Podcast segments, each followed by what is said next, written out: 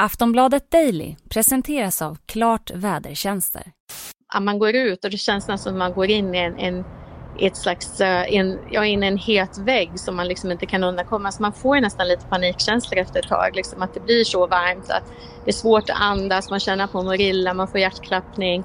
Eh, så att det är liksom för de som inte kan undankomma den hettan i längden så måste det vara helt fruktansvärt. Alright, so it looks like the fire went out over the mountain and it's about to get everyone that's stuck on that side of the mountain.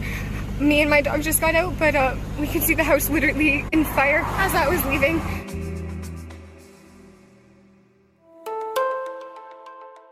Vi lever i en allt varmare värld. Vi ser här i Kanada och USA där en rekordkrossande hetta har skördat hundratals människoliv. Och bränder som uppstått till följd av hettan har gått in och förstört 90 procent av den kanadensiska staden Lytton. Och nu sveper värmen vidare över Europa. Vi ser Cypern som precis har stått emot den absolut största branden de sett på flera decennier. Och här i Sverige så var juni rekordvarm i de sydöstra delarna av landet. Och SMHI har också gått ut med klass 1-varning för varma temperaturer i Norrbotten. Och enligt experter från bland annat FNs klimatpanel så är extrem hetta och andra extremväder till följd av klimatförändringar något som vi i framtiden kommer att behöva se som eh, regel snarare än undantag. Så vad gör vi när värmen kommer? Hur ska vi göra för att förbereda oss för klimatförändringar? I dagens avsnitt av Aftonbladet Daily så pratar vi om klimatprepping. Alltså att man både förbereder sig för att hantera konsekvenserna av klimatförändringar men samtidigt också jobbar för att motverka dem. Jag heter Liv Elgenklöv.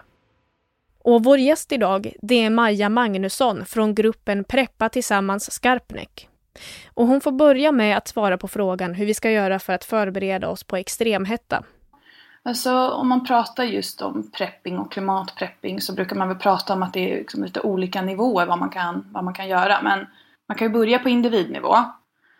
Eh, och jag tror också att vi i Sverige är ganska... Vi är bra på kyla, liksom hur vi preppar oss för kyla. Vi vet ju att man inte går ut hur som helst, klädd hur som helst. Man klarar inte det hur som helst. Utan vi, vi vet att man ska laga på lager. Alla sådana här saker kan vi. Det finns i vår kultur. Men vi är mycket sämre på, på värme och hetta. Och tycker att det är fint väder och man vill gärna sitta i solen. Så jag tror att det är nog en ganska en viktig grej som man kan göra som individ. Är att liksom lära sig lite om och liksom få in det i, i, i sitt beteende när det är varmt. Att så här, håll dig i skuggan, se till att vara Eh, att du har vatten med dig. Ehm, och hur man liksom bäst kyler ner sitt hem. Kanske att man stänger fönstren, drar ner persienner och så att det ehm, får hålla värmen ute. Den typen av saker. Sen finns det också ehm, vissa punkter på kroppen som är liksom bäst att kyla ner. Det är typ nacke, händer, handflator och fötter. Och när man svettas mycket, det är det som gör att man kyls ner. Det är liksom kroppens sätt att kyla ner. Och då behöver man ju dricka mycket och ersätta det med salter och så. Finns det någonting speciellt som man ska ha hemma som kan hjälpa till, eh, som man kan använda sig av ifall det blir extremt varmt? Det jag vet är när jag har varit i varma länder och de inte är kanske de har en sån välfungerande AC eller om ACn är trasig och går sönder. Det man brukar ha är att man har en fläkt, en vanlig fläkt och täcker över med liksom blöta, eh, blöta tygstycken. För det ökar fukten i luften och blir som en, det kyler ner. Ni i eh, Preppa Tillsammans eh, Skarpnäck, ni förbereder ju er på olika scenarier som är kopplade till klimatförändringar och eh, så. Vi gör även så sådana vilda ätvan, alltså att man går i skogen och eh, lär sig om ätbara vilda växter har vi olika teman. Eh, det kan vara både praktiska saker som folk vill lära sig. Ehm, det kan vara olika workshops. Vi har eh, workshop i hur man gör mat utomhus, eh, hur man lappar och lagar kläder. Det är liksom väldigt högt och lågt. Ehm, så har vi ehm, Preppa Tillsammans har startat en tillsammansodling. För att då ha någonting att äta ifall butikerna stängs ner i en kris. Ja, alltså det vi producerar konkret på den där tillsammansodlingen kanske skulle räcka för allihop. Om alla som är med skulle komma dit då skulle vi kanske överleva två dagar på det. Alltså det är inte, det är inte en, eh, det är inte så att man ska se det som ett eh, matlager. inte ett matlager, ursäkta. Det är mer som en, eh, ett sätt att preppa just kunskap kring hur man, hur man odlar mat. Eh, och visa att det går att eh, odla mat lokalt även inne i en stad och i en stadsmiljö. urban, urban självhushållning fungerar också. Vi tar en kort paus här för ett meddelande från vår sponsor. Vi är strax tillbaka. Visste du att Klart är mycket mer än väderprognoser? I appen hittar du allt ifrån en badstrandsguide till tips på hur du bäst tar hand om sommarhuset.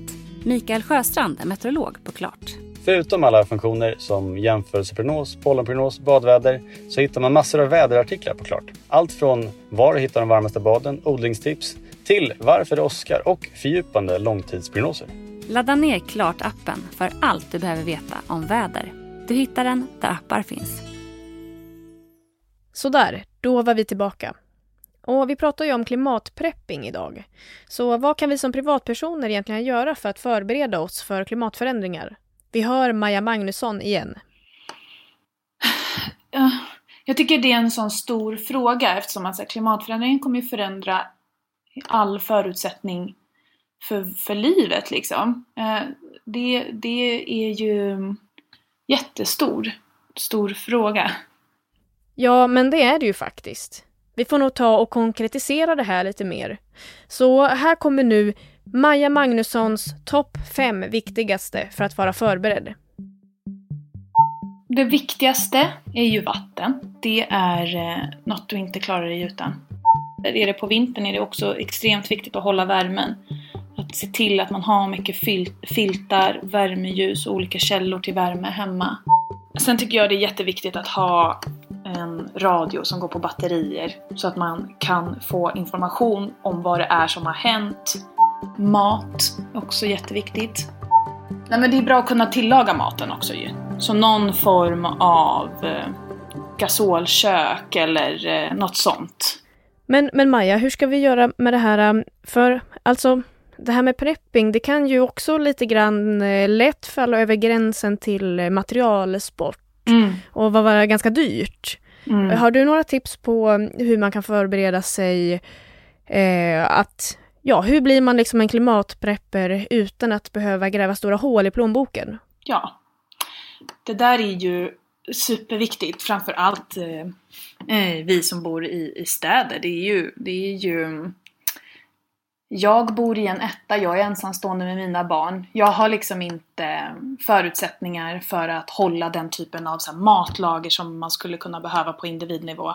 Jag har inte förutsättningar att ha liksom det här vattnet, alla de här prylarna och sådär.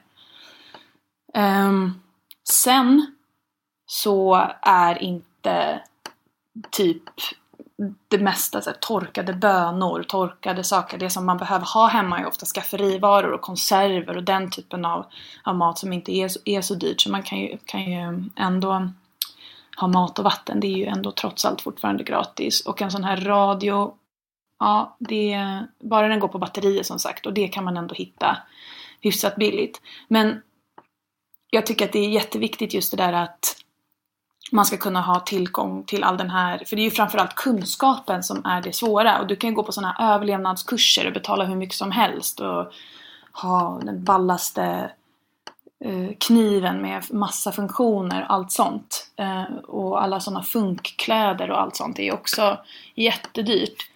Eh, jag har inte lagt så mycket pengar på, på min min prepping. Och det är nog för att vi har det här preppa tillsammans där man ses och vi delar på våra tillhörigheter och man kanske kan köpa in en sak tillsammans som man vet finns där. Um, att man kan det är också så med, med resurser, det är därför det är bra att veta vilka grannar man har och vad, vad har de för saker och man pratar med sina grannar om det. Att då behöver man ju inte heller ha en av, alla behöver inte ha en av varje kanske, utan det räcker med att det finns en som alla kan ha tillgång till. Till exempel en sån vevradio då eller, eller vad det kan vara. Att man, att man kan gå ihop också och köpa saker tillsammans. Eh, man ska alltså bli, se till att vara kompis med sina grannar?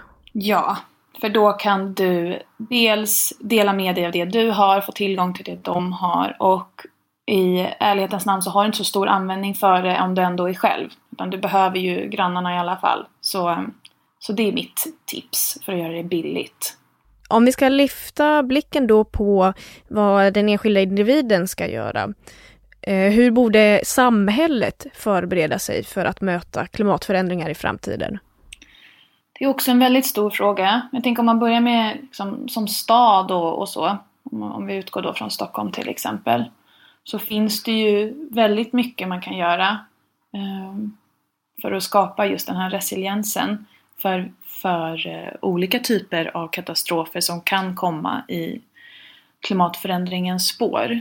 Vi pratade tidigare om vegetation till exempel, att plantera träd och behålla sådana gröna kilar.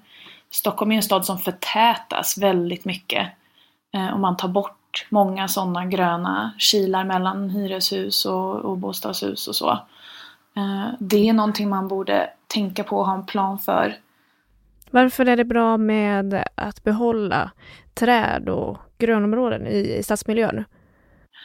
Ja, vi pratade om hettan innan också. Träd och vegetation har ju en eh, jätteviktig funktion att fylla i och sänka temperaturen i en stad. Eh, men också då hålla vatten om det skulle vara så att det blir eh, kraftiga skyfall eller, eller så. Och även för, för fåglar, för den biologiska mångfalden, behålla det i städerna. Eh, buskage. Eh, man kan ju också fundera på vad det är för vegetation man planterar. När man till exempel eh, anlägger trädgårdar eller innergårdar och så.